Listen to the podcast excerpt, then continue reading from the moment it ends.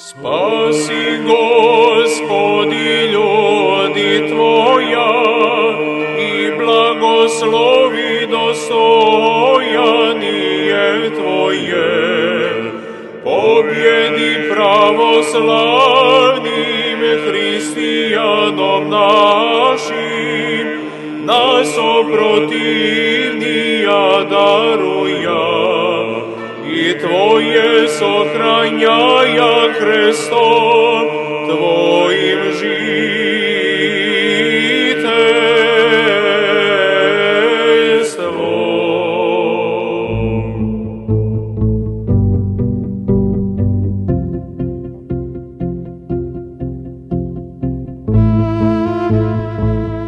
Hristos rodi, poštovani slušalci. Vi ste talasima Radija Glas pravoslavne eparhije Niške na 92 MHz. Evo, ja sam danas u učionici. U našoj učionici Radija Glas pravoslavne eparhije Niške. Studio zamenjujemo učionicu. I upravo postavljamo pitanja sa kojima se naši goste verovatno susreću na svakom času. Možda ne baš ova pitanja, ali ja ću ući u ulogu osnovca, odnosno srednjoškolca. I postavljat ću pitanja mojim današnjim gostima. Pretpostavljam da znate da će naši današnji gosti biti veroučitelji. Govorit ćemo o smislu praznika. Krstovdan, bogojavljanje, sabor Svetog Jovana Krstitelja. Ostanite uz 9200.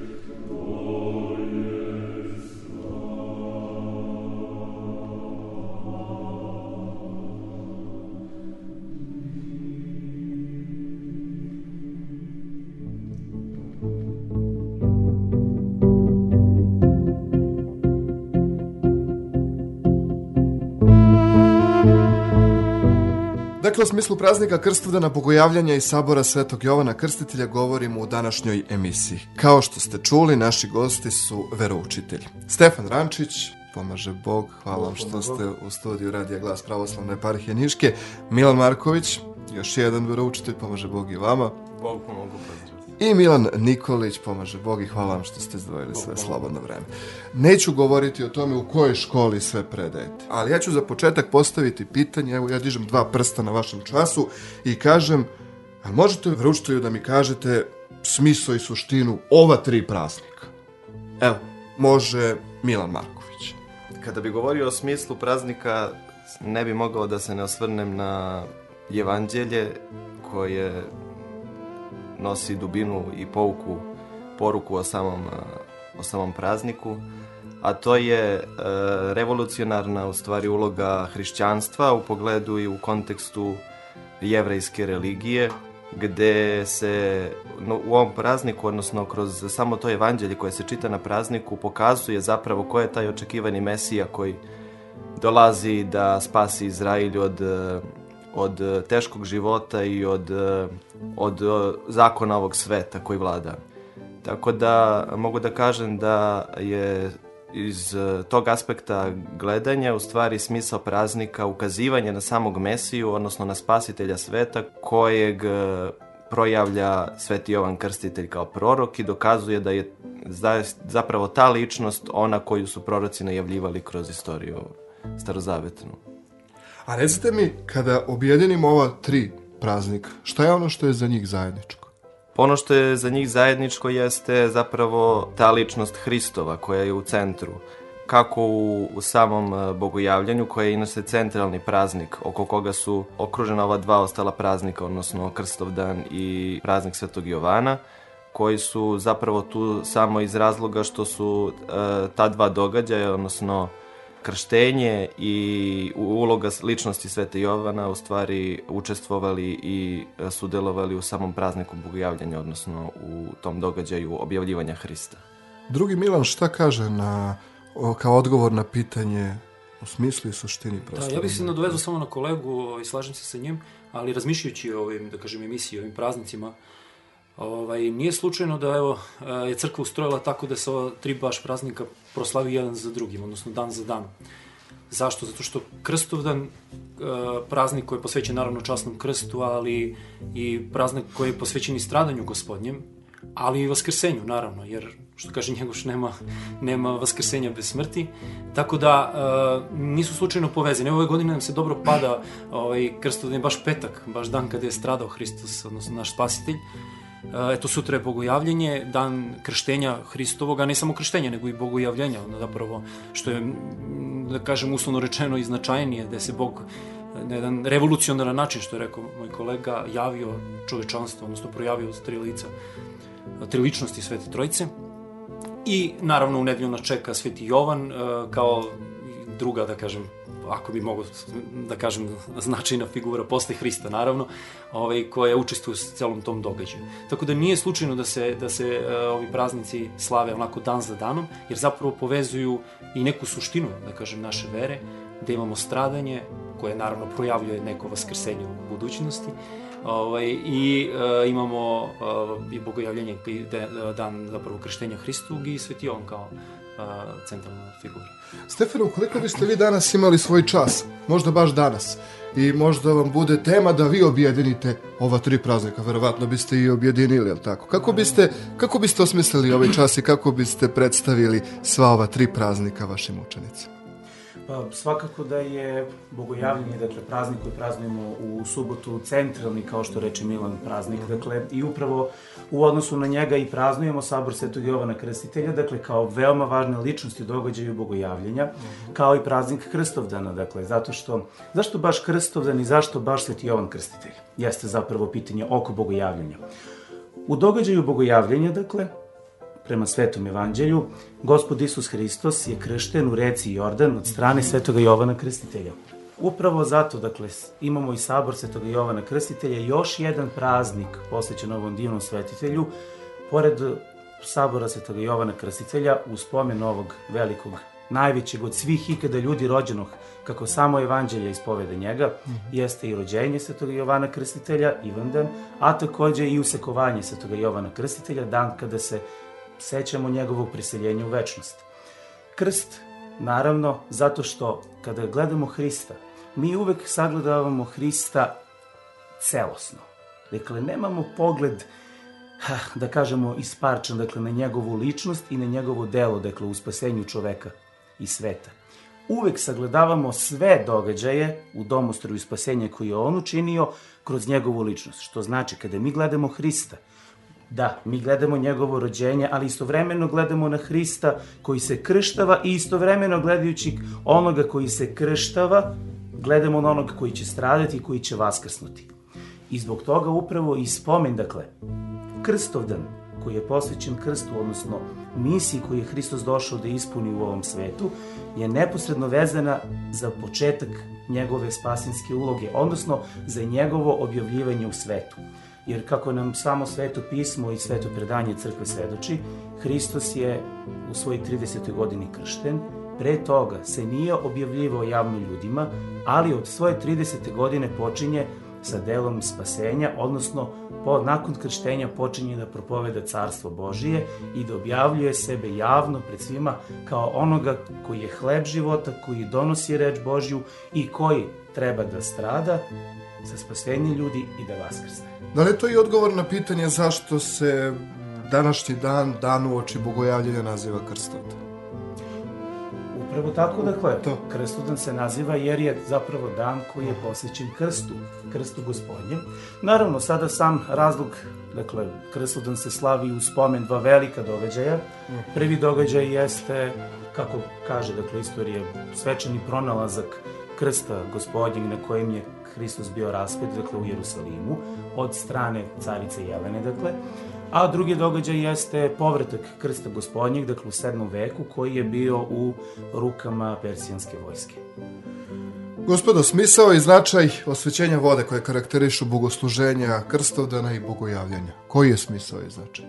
S obzirom da je ovaj praznik e, veoma stari, da od e, dosta ranih vremena crkve krenula da se praznuje, ne možemo, makar ja ne mogu da zaobiđem onu, ono mesto vode u starom zavetu, odnosno u, među jevrejima, kada je zapravo voda imala očistilačko dejstvo i ta uloga vode u stvari preuzeta kod hrišćana sa jednim dodatnim obogaćenim smislom, a to je da zapravo e, voda pre svega kroz krštenje e, očišćuje čoveka, odnosno pokazuje da je čovek e, zaista željan i spreman da svoj život preobrazi, odnosno obrati ka Bogu, jer e, baš ta uloga očistilačka vode u stvari simbolično pokazuje očišćenje čoveka od greha i kretanje ka Hristu, zbog čega se na bogojavljanje pre svega i osvećuje voda. Naravno, i nezaboravan je onaj trenutak krštenja Hristovog u Jordanu,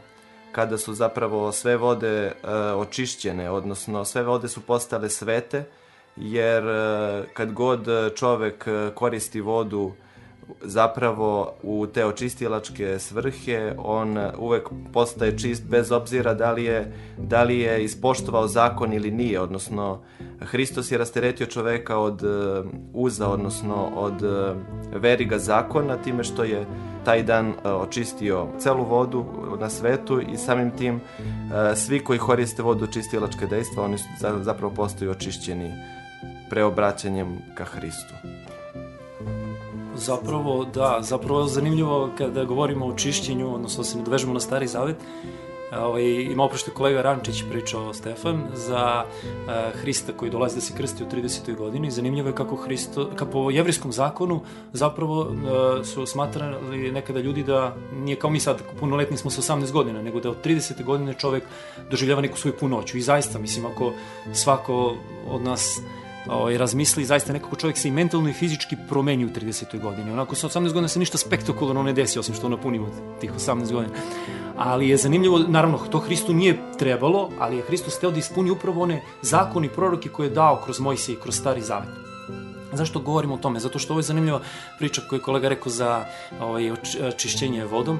Zašto? Zato što uh, setimo se uh, gde imamo u Novom Zavetu, ne znam, imamo banju Vitezdu, pa imamo, ne znam, gde Hristos uh, uh, maže oči slepcu, pa mu kaže da ide da se obere u banji, odnosno upravo da se očisti vodom.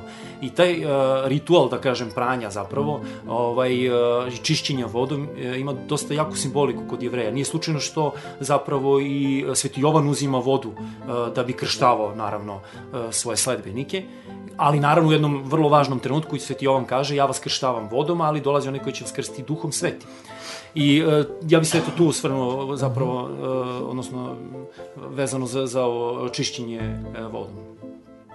Voda kao sredstvo odnosa Boga i čoveka. Jel možemo tako nekako da zaokružimo? Da. E, naravno, smisao bogojavljanske vode je nešto mnogo, mnogo ve, veće i više. E, ovaj, jer sve što je bilo staro e, preuzima simboliku novog. To je i smisao, da kažem, novog zaveta, ali e, Hristos je taj zapravo koje preobražava.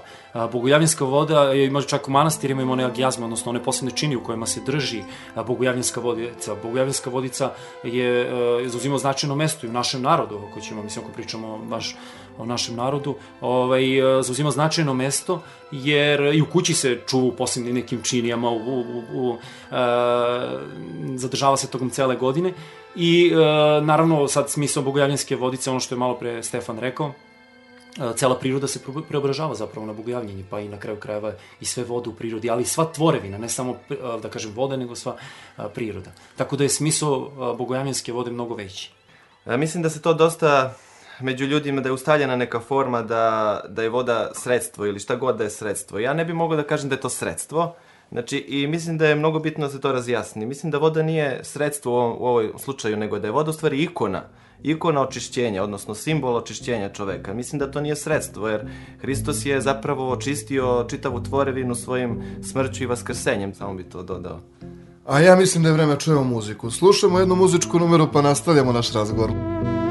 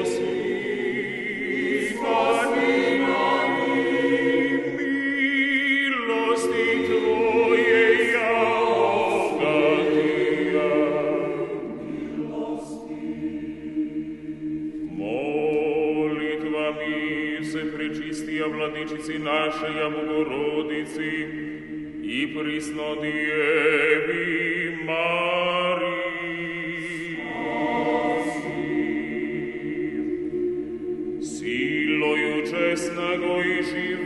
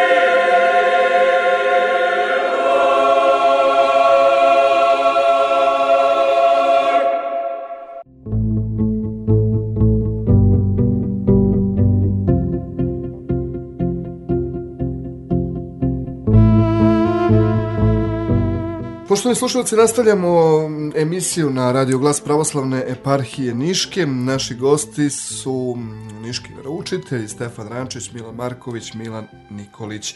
Bogojavljanje proslavljamo sutra, odnosno danas ukoliko nas neko sluša u repriznom terminu sutra, Da, mi ovu emisiju emitujemo u petak, da znate. Ukoliko nas slušate u subotu, znajte da se emitovala i u petak.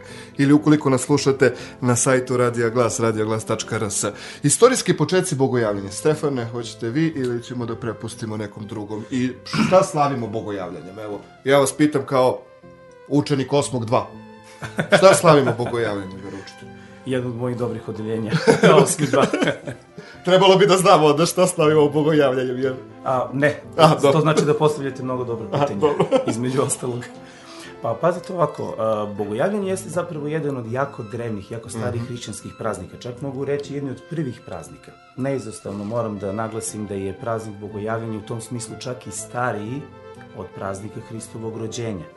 Jer zapravo praznik Hristovog rođenja je bio ranije nekako vezan i liturgijski i, hajde da kažemo, hierotološki. Dakle, prazninstveno je bio vezan i bio je inkorporiran, vezan za proslavu e, bogojavljenja. Dakle, kroz praznik rođenja Hristovog mi zapravo proslavljamo gospoda koji se rađa u telu od presvete bogorodice.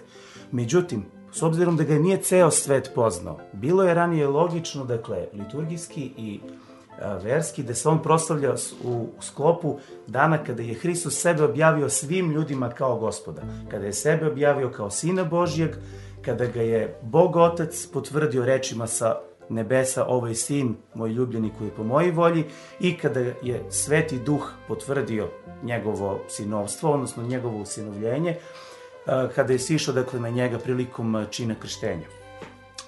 Bogojavljanje u tom smislu jeste dakle jedan drevni hrišćanski praznik koji su najverovatnije i hrišćani dakle ranog hrišćanstva, odnosno rane crkve već e, proslavljali. Liturgijski gledano bogojavljanje jeste određeno dakle datumom dakle za 19. januar. To sad ne znam da li Milan zna da li ima neku posebnu simboliku. Pa to je u stvari, to je u stvari 6. januar po starom kalendaru i bi u stvari bilo vreme proslave mnogobožačkog praznika u stvari. Takođe i 25. decembar i 6. januar su bili datumi kada su se slavili veliki mnogobožački praznici i zbog toga su u stvari sveti oci iz baš tva, ta dva datuma, odnosno 25. decembar, odnosno 7. januar za Božić i pre toga još dosta ranije do duše 6. januar, odnosno 19. januar za bogojavljanje. Dobro, kada bismo uh, sad nekako, da kažem, zaključili, ne mogu da zaključim još uvek uh, uh, deo za bogojavljanje, koja je suština bogojavljanja i koji je glavni akcent bogojavljanja? Izvolite mi. Uh, hvala. Uh, bogojavljenje kao centralni praznik, ovo da kažem tri praznika, Krstovdan, Bogojavljenje i Sveti Jovan. Obično kažem, uh, kada kažem Krstovdan i kada napomenem Krstovdan, obično svi učenici, svi pomisle da je to dan krštenja Hristovog, gde ih zapravo ispravimo da nije to dan, to je prosto dan kada je posvećen časnom krstu. Dva puta godišnje, 27. septembra, kada slavimo vozdiženje, odnosno uzdizanje časnog krsta, ono što je kolega Rančić malo pre, pre uh, govorio, i uh, današnji praznik. A smisao, da kažem, bogojavljenja ne je samo, da kažem, krštenje Hristovo, nego jeste zapravo najveći akcent jeste na bogojavljenju, odnosno, da sama reč kaže da se Bog uh, revolucionarno javio čoveku, i ne samo čoveku, nego celom čovečanstvu. Uh, dotad to nije bio slučaj. U trenutku kada je Hristos bio u reci Jordan, sa neba se čuo glas Boga Oca koji je rekao ovo je sin moj ljubljeni koji je po mojoj volji. Hristos koji je bio u reci i Sveti Duh u vidu svetosnog goluba koji je sletio na Hristovu glavu. Tako da imamo sva tri lica, odnosno tri ličnosti Svete Trojice koji su se javili u tom trenutku, Bog Otac čulo sluha, uh, Sin koji je bio u reci čulo vida i sluha i dodira i Sveti Duh. To je, da kažem, najveća suština ovog praznika i, i bogojavljenja. Izvolite, Stefan. Evo da se nadovežem na kolegu, da u vezi vode recimo, bogojavljenje, dakle krštenju vode, dakle zašto je baš voda toliko važna? Voda svakako jeste esencija života. Ona dakle od, ma, od materije, dakle jedna materija koja je najpotrebnija za čovekovo uopšte materijalno, dakle zemaljsko bivstvovanje. Nauka je potvrdila, iskustvo dokazalo da čovek zapravo je najzavisniji od vode, što znači ukoliko bismo čoveku odvojili od vode i od hrane. On bi mnogo kraći period mogao zapravo da izdrži bez unosa vode u odnosu na hranu. Neki su mišljenja da je to zapravo period od tri dana. Dakle, maksimalno čovek tri dana može da izdrži bez unosa vode, dok je period bez unošenja hrane možda i nešto duži. Voda kroz istoriju i tradiciju kako hrišćanstva, kako judeizma, tako i drugih religija. Upravo je imala a, funkciju očišćenja. Međutim, to zapravo jeste samo jedan materijalni prikaz očišćenja, zato što mi kada recimo imamo prljave ruke, mi ih peremo vodom. Dakle, voda ima nama vizuelno očistilačko dejstvo. U hrišćanstvu mi zapravo kroz vodu želimo da pokažemo da se mi duhovno čistimo Jov, Sveti Jovan Krstitelj je krštavao u reci Jordan. Oni se za, i govorio je, dođite, spasite se, pokajte se, ispravite svoj život, ispravite staze gospodnje pripremite se za onoga koji dolazi. Za onoga koji dolazi i sa sobom donosi večnost. Carstvo nebesko je blizu. On ljude nije telesno čistio, on ih je zapravo duhovno pročišćavao i bukvalno, dakle, ovde vode ima tipično simboličko očistilačko dejstvo. Ljudi zapravo trebaju duhovno da se očiste, a voda ovde samo predstavlja, dakle, njihovo, materijalno predstavlja, dakle, njihovo čišćenje. Sveti apostoli, isto tako stoji u evanđelju, dakle, da su i sami sveti apostoli e, krštavali ljude u reci. I mi dan danas, s obzirom na bogojavljenje, dakle, poistovećujući se sa Hristom, i mi danas ljudi u crkvi zapravo, e, kroz, hajde da kažemo, proces inicijacije, se uključujemo u crkvu i postajemo članovi crkve zapravo krštenjem, odnosno vodom, dakle. I zapravo upravo pogruženjem u vodu mi postajemo, iz, dakle, uranjamo kao stari ljudi, odnosno kao stari ogrehovljeni Adam, a izranjamo iz vode kao novi Adam, odnosno kao novi Hristos. Krštenjem u vodi i mi danas, kao nekada Hristos, izranjamo u novog Hrista, odnosno postajemo hristonosci svi mi postajemo podobni Isusu Hristu. Kada govorimo o vodi, ovaj što smo pričali malo pre sa početka da ima i čistilačko dejstvo i tako dalje, jeste zapravo, nije samo ono sredstvo što je kolega rekao, jeste zapravo izvor života, bez vode nema života, ali izvoru, kako govorimo o, o, o nama, da kažem hrišćanima, ima mnogo dublje značenje. Zapravo, ono što smo malo pre napomenuli da se nekada Božić slavi, odnosno da je Božić i bogojavljenje istorijski gledano, verovatno uzeto uh, o, o, proslavi nekih bog, mnogobožačkih praznika, zapravo Boga Sunca i tako dalje. Ovaj, zanimljivo je da, na primjer, nisu slučajno, pretpostavljam, mislim, da nisu slučajno sveti oci uzeli i u troparima koji se pevaju, da se, na primjer, kaže za Božić, baš vraćajući se Hristu, kažemo da si ti jedino sunce pravde. Zapravo da bi zamenio Hristos one bogove koji su slavili mnogobožci, kao i za bogojavljenje da kažemo Hriste Bože koji se javio i svet prosvetio, slava tebi. Zanimljivo je kad govorimo o vodi, zapravo zašto voda dobija dublje, da kažem, značenje sada, i uh, uh, kako Hristo zapravo menja vodu, tu pravu vodu zapravo izvor našeg života, je što uh, Sveti Jovan isto kaže, on nije znao ko je Hristos, ali mu, po, kaže, onaj kome poslan, mislići na Boga, kaže, na onog koga vidiš da sveti, odnosno da dođe duh sveti i na kome počiva, to je Hristos. Tako da, to ima ono dublje značenje gde Sveti Jovan kaže, doći će onaj koji će vas krstiti duhom sveti. I zašto baš Jordan? Recimo, Hristos da. je mogao da bude kršten i na nekom drugom lokalitetu. Recimo, ja sam se to uvek pitao, zašto nije, recimo, ne znam, u Crnom moru, recimo, zašto nije u nekoj drugoj reci, nego baš u reci Jordan. A zapravo kasnije sam saznao da se odgovor krije u Starom Zavetu. Jer zapravo reka Jordan i u Starom Zavetu ima vrlo veliku funkciju i ulogu za izraelski narod. Evo da se podsjetimo. E, nakon izlaska iz Egipta, Mojsije sa izraelskim narodom 40 godina putovao dakle kroz pustinju i na kraju su u obećanu zemlju, u onu zemlju koju im je gospod Bog obećao da će stići, stigli su dakle prelaskom upravo preko reke Jordan i to kaže prelaskom preko 12 kamena. Tako da, pazite, u starom zavetu narod Mojsijev zadobija izbavljenje od ropstva u starom zavetu, dakle i ulazak u obećanu zemlju.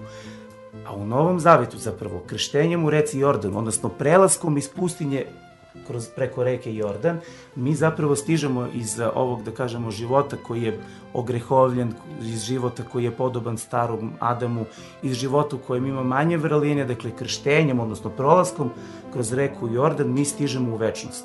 Odnosno stižemo u Hristovu čistotu stižemo, dakle oč, očistimo se za večnost, odnosno za ono obećanje koje nam je Hristos dao na krstu, gle pokajao si se i danas ćeš biti sa mnom u raju. Milane, simbolika plivanja za časni krst. I nekako mi se čini da plivanje za časni krst, bar u savremenom društvu, se predstavlja kao takmičenje, nadmetanje, je li to svrha plivanja ili nije? Svrha plivanja možda, ali, ali ne, ne časti krst. Pa, možda razlog dolaska.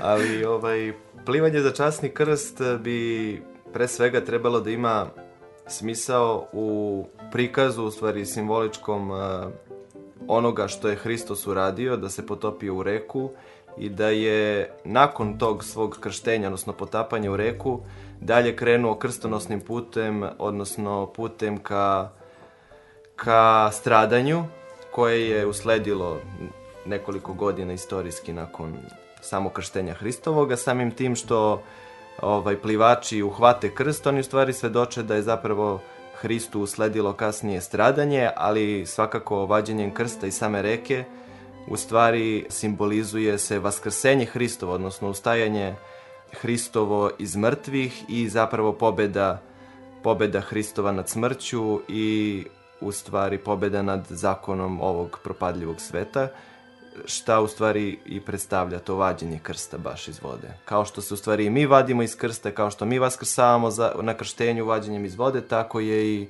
u stvari vađenjem krsta iz vode pokazuje se i samo to vaskrsenje. A pogrešno ukoliko u tom trenutku gledamo na plivanje za časni krst kao takmičenje?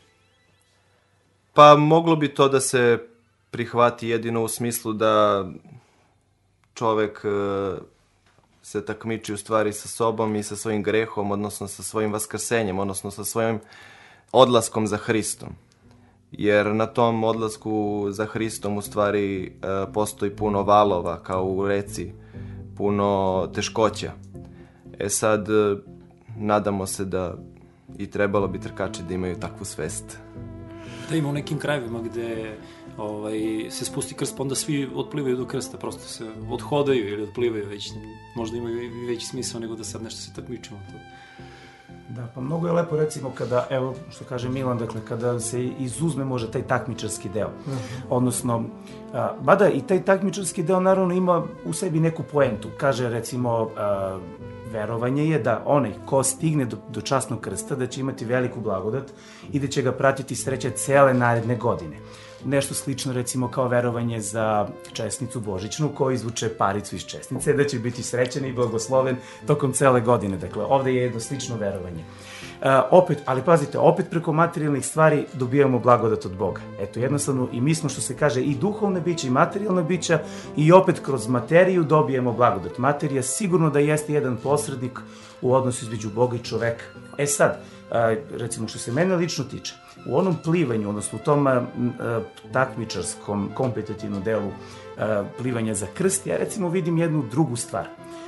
Duboku simboliku to nosi sa sobom. Jedan stih iz Evanđelja koji naročito ostavlja utisak na svoje čitoci jeste, kaže, carstvo nebesko se na silu zadobija odnosno nasilnici ga zadobiju, ako baš bukvalno tumačimo. Šta sad to znači? Da li treba da budemo nasilnici u životu i sve ono što to podrazumeva da bismo stigli do Hrista? Zapravo, to podrazumeva naše kretenje prema Hristu. Pazite kakav vi napor morate da uložite i zato svaka čast i duboko poštovanje svim ljudima koji se osmele da u bogojavljensko jutro na minusu često u hladnoj vodi da plivaju za krst. To pre svega mogu i ljudi koji su zdravi, dakle potrebno je proći i preporučuje se dakle da ljudi prvo preispituju sami sebe Dakle, to je važno za sve plivače. Da li oni svojim telesnim snagama mogu da izađu u susret tom izazovu? Nakon toga potrebno je preći neophodne medicinske provere i tek onda, dakle, treba stupiti u jedan takav podvig. Plivanje prema krstu zapravo podrazumeva napor čoveka u zadobijanju carstva nebeskog.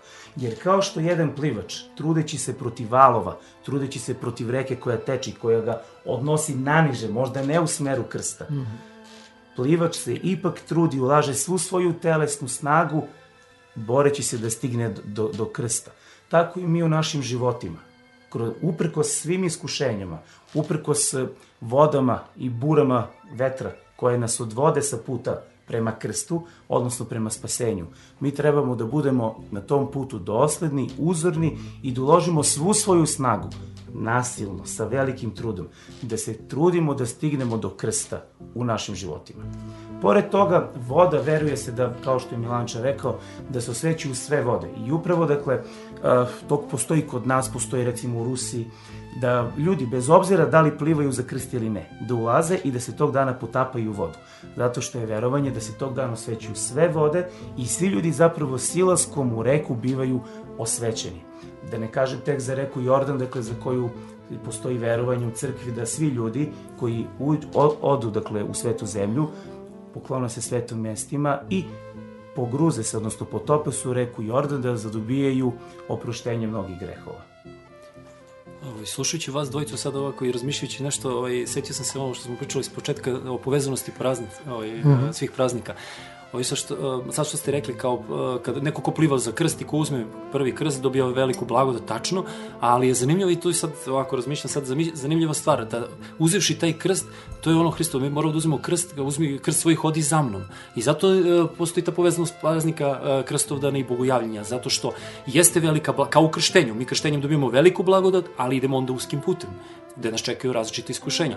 I zato, uzivši taj krst, trebamo zapravo da a, pretrpimo i sva iskušenja i sve one teškoće a, koje nas čekaju u životu, ali znamo šta nas čeka zapravo iza, iza i koja je pobeda. I ima jedna zanimljiva stvar kada govorimo o krsto, krstovdanu zapravo i o krstu i o stradanju Hristovom, a, to sam negde skoro isto čitao, zanimljivo, kaže da a, stalno i u kući trebamo da imamo ikonu Vaskrsenja Hristovog i ikonu ovaj, raspeća Hristovog. I kada god smo tužni, odnosno kada imamo teške iskušenja, iskušenje to ono da pogledamo na ikonu raspeća, ali da uvek jednim okom bacimo pogled, odnosno da gledamo na vaskrsenje Hristovo, jer uvek posle uh, smrti, odnosno posle raspeća ide i vaskrsenje, odnosno idu bolji dan.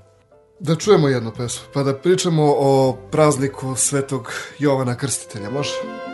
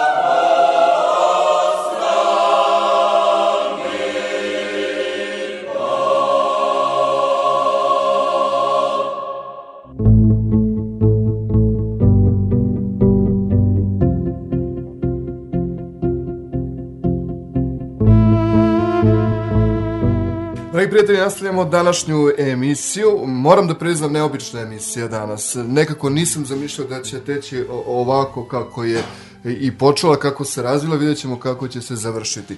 Naši gosti, Stefan Rančić, Milan Marković, Milan Nikolić, Niški katihete, govorimo o smislu praznika Krstodana, bogojavljenja sabora Svetoga Jovana Krstitelja. E sada, u pripremi za ovu emisiju, e, Stefan je rekao, ja želim da govorim o Svetom Jovanu Krstitelju. To kao kad ja, e, kad sam bio siguran iz nekog predmeta, pa sad se guram sa drugim učenicima, hoću ja odgovorim, hoću ja odgovorim, zašto ste vi tako odreagovali u tom trenutku? pa pazite, to je pre svega zbog toga što imam mnogo veliku ljubav i mnogo veliko poštovanje prema Svetome Jovanu Krstitelju, e, zato što sam, ajde da kažemo, duhovno ponikao, potekao, da kažem, iz manastira u Gornji Matejevcu, koji je baš posvećen ovom velikom svetitelju, da kažemo i su ljubav prema Bogu i prema svetiteljima, pa da kažem i svoj životni put sam opredelio bivajući gore i pod e, rukovodstvom ljudi koji su gore predano služe Bogu. A, a i zbog toga što je Sveti Jovan Krstitelj prema samom svedočenju, dakle, evanđelja i samom svedočanstvu Isusa Hrista jeste najveći od ljudi ikada rođenih, dakle. I zapravo u tome se krije i a, njegovo čarni draž njegovog svetiteljstva. On je najveći zato što on zapravo i povezuje stari i novi zavet. On je kao most koji povezuje stari i novi zavet. Kako ga i crkvene pesme nazivaju, on je poslednji od proroka, prvi od apostola. Poslednji od proroka zato što se u njegovom pokazivanju, gle, eno jagnjeta Božijeg koje je došlo da uzima na sebe grehove sveta, očituju sva proroštva starog zaveta i kroz njega, kao kroz neko sabirno sočivo, se pokazuju kao ispunjena sva obećanja starozavetnih proroka koje su oni davali narodu i koje su one nagoveštavali kroz svoju misiju i kroz svoju spasinsku propoved u starom zavetu.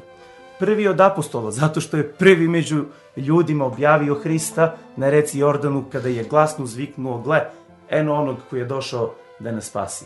I to su svi ljudi mogli da čuju. Suština ovog praznika u savremenom društvu, za savremenog čoveka, šta znači upravo uh, sve ovo što se desilo i što nam je Stefan napisao?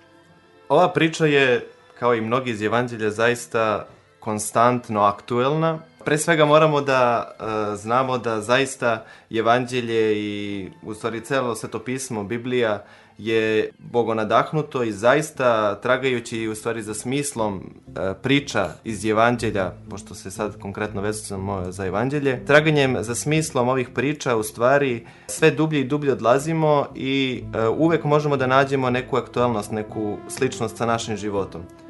Pre svega, e, od Svetog Jovana ono što možemo da naučimo jeste da zapravo sve što radimo u životu treba da bude iz nekog višeg cilja, odnosno iz sledovanja za Bogom, za Hristom.